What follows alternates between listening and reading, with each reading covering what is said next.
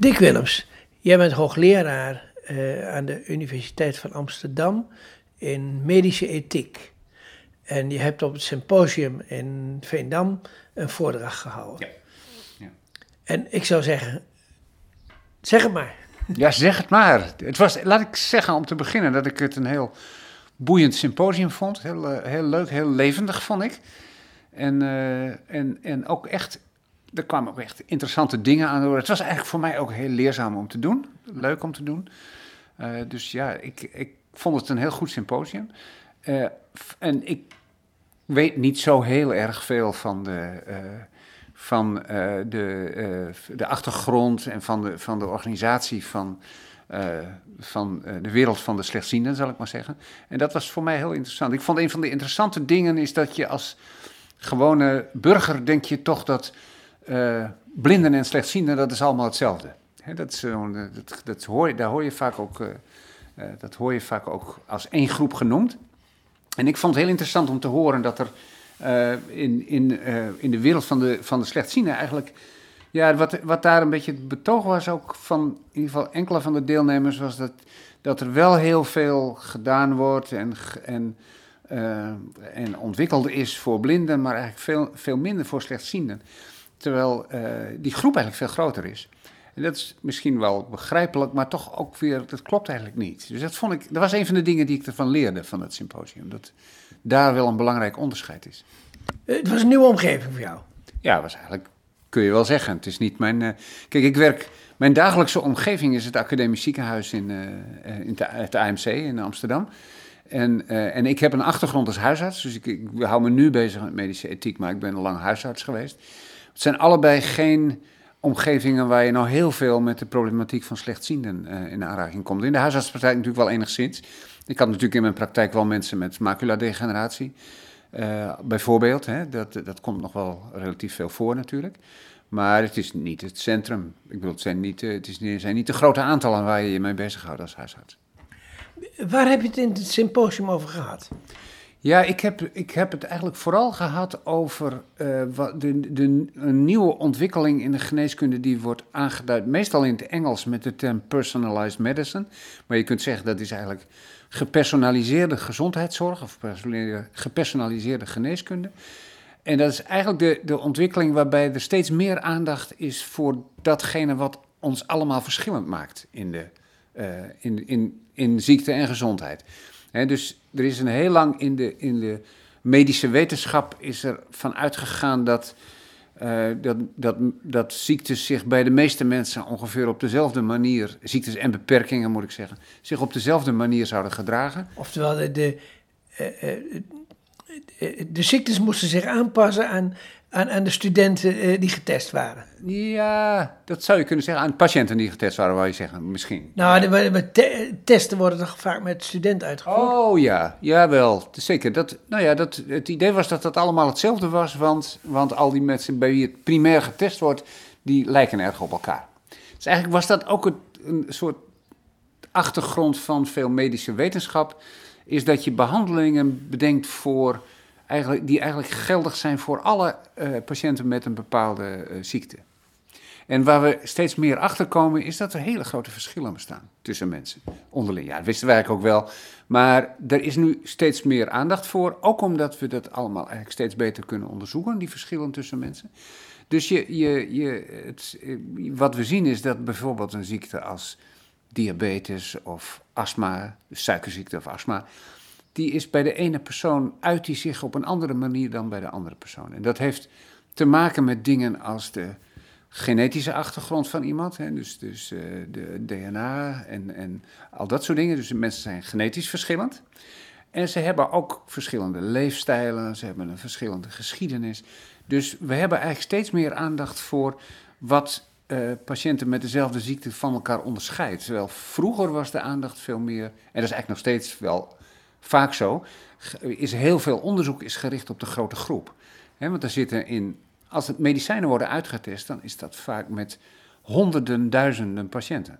Dus die, iedereen wordt een beetje over één kam geschoren dan. Maar heeft het ook te maken met uh, grotere kennis van zaken en dat je daardoor uh, de, de, de grote patiënten, massa, eh, kun je zeggen, wat meer in kleinere groepjes kunt delen en zelfs tot het individuele niveau komt. Ja, tot aan het individuele niveau. En dat is denk ik een hele, hele goede ontwikkeling.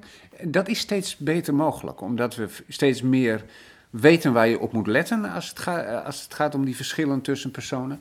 En we kunnen het ook steeds beter omdat, er, eh, omdat we ook steeds beter heel veel gegevens kunnen verwerken. Want uh, als je, als je zeg, stel, stel, als je zegt van die hele grote massa patiënten waar het om gaat, hè, honderden of duizenden patiënten, zijn allemaal verschillend. En je hebt, om, om daar goed dingen over uit te zoeken, moet je over al die mensen eigenlijk gegevens hebben. Eh, hele verschillende gegevens. Dus je krijgt enorm veel gegevens. En dat kunnen we tegenwoordig steeds beter uh, verwerken. Uh, met allerlei computersystemen die, die beter heel veel gegevens aankunnen. En dat, gek genoeg, het kan allemaal steeds persoonlijker worden, omdat we zulke hele grote gegevenssystemen hebben. Dus je hebt die, die ontwikkeling van big data, hè, waarbij er over heel veel mensen heel veel gegevens worden verwerkt. En daardoor kunnen we beter zien wat voor individuele patronen er zijn. Heeft dat ook mee te maken dat we nu veel meer kennis hebben over genen? Ja, ja daar is het eigenlijk vooral eh, mee begonnen. Het is eigenlijk begonnen met verschillen in genen. En dat, dat heb je ook, ook in de, de achtergrond van slechtziendheid. Daar zitten ook belangrijke genetische verschillen. En dus er zijn uh, belangrijke verschillen tussen verschillende groepen mensen die bijvoorbeeld maculadegeneratie hebben. En dat verloopt dan ook verschillend bij die mensen. Maar dus daar is het helemaal mee begonnen, een jaar of tien. Ja, er worden nu trouwens ook allerhand uh, methodes ontwikkeld. Hè? Om, om met staarkaart, met name de genetische vorm van maculadegeneratie, ja. om, om daar in een vroegtijdig stadium iets aan te kunnen doen. Ja, dat is ook zo. En, de, en er worden bijvoorbeeld ook medicijnen ontwikkeld die specifiek gericht zijn op bepaalde genetische vormen van een ziekte. Er zijn een aantal voorbeelden van in de geneeskunde waarbij uh, iemand bijvoorbeeld met borstkanker, daar, zijn, daar is een groep mensen die hebben een, een, bepaalde genetische afwijking en dan worden er specifiek geneesmiddelen voor die groep mensen ontwikkeld. En dat noem je dan farmacogenetica. Hè? Dat betekent dus de genetica die gekoppeld is aan de medicijnen die mensen krijgen. Dus dat zijn allemaal ontwikkelingen waarbij we afstappen van, uh, van uh, van uh, behandelingen voor de grote massa. En dat we steeds meer toegaan naar aan de persoon aangepaste medicijnen. Je zou kunnen zeggen naar maatwerk voor patiënten of mensen met beperkingen. Maar dan wordt de inbreng van patiënten ook veel groter. Nou, dat is precies waar ik naartoe wou. Dus we zijn begonnen eigenlijk bij de genetica. Maar het gaat nu ook steeds meer over wat mensen zelf over zichzelf weten en, en de behandelingen waarvan zij zelf, of, of, of hulpmiddelen waarvan zij zelf merken dat ze hun helpen, dat ze er wat aan hebben. En wat we natuurlijk wel weten is dat sommige medicijnen voor de grote groep niet erg helpen, maar voor sommigen wel. He, dit is altijd een kwestie van statistiek. Er zijn, de, de, meerderheid van de patiënten helpt, helpt een bepaald geneesmiddel soms niet, maar er is soms een, een minderheid voor wie het wel helpt. En we krijgen steeds meer zicht op die minderheid. En dat wordt dus ook steeds belangrijker. En het geldt ook, denk ik, voor hulpmiddelen. Maar wat je vroeg, hè, was, wordt de inbreng van patiënten niet groter? En dat is eigenlijk wat we steeds meer zien, dat we door patiënten gestuurd onderzoek krijgen. Dus door wat patiënten merken aan hun, uh, nou ja, wat, er, wat, wat hen helpt. Uh, en de, dat wordt steeds meer gebruikt in het wetenschappelijk onderzoek. En ik heb op het symposium een voorbeeld genoemd van onderzoek waar ik zelf dan bij betrokken ben, wat niet zoveel met slechtziendheid te maken, of helemaal niks met slechtziendheid te maken heeft, maar wel met mensen, dat gaat eigenlijk vooral over mensen met darmklachten. En eh, vooral darmklachten waar, waar niet een hele duidelijke medische verklaring voor is. Dus is niet een of andere chronische darmziekte of zo, maar mensen hebben die klachten wel. En die, die, daar hebben ze ook echt veel last van. En die mensen die proberen heel veel zelf aan bijvoorbeeld dieetverandering of uh, of, of, of, medicijnen die ze zelf uh, uitproberen.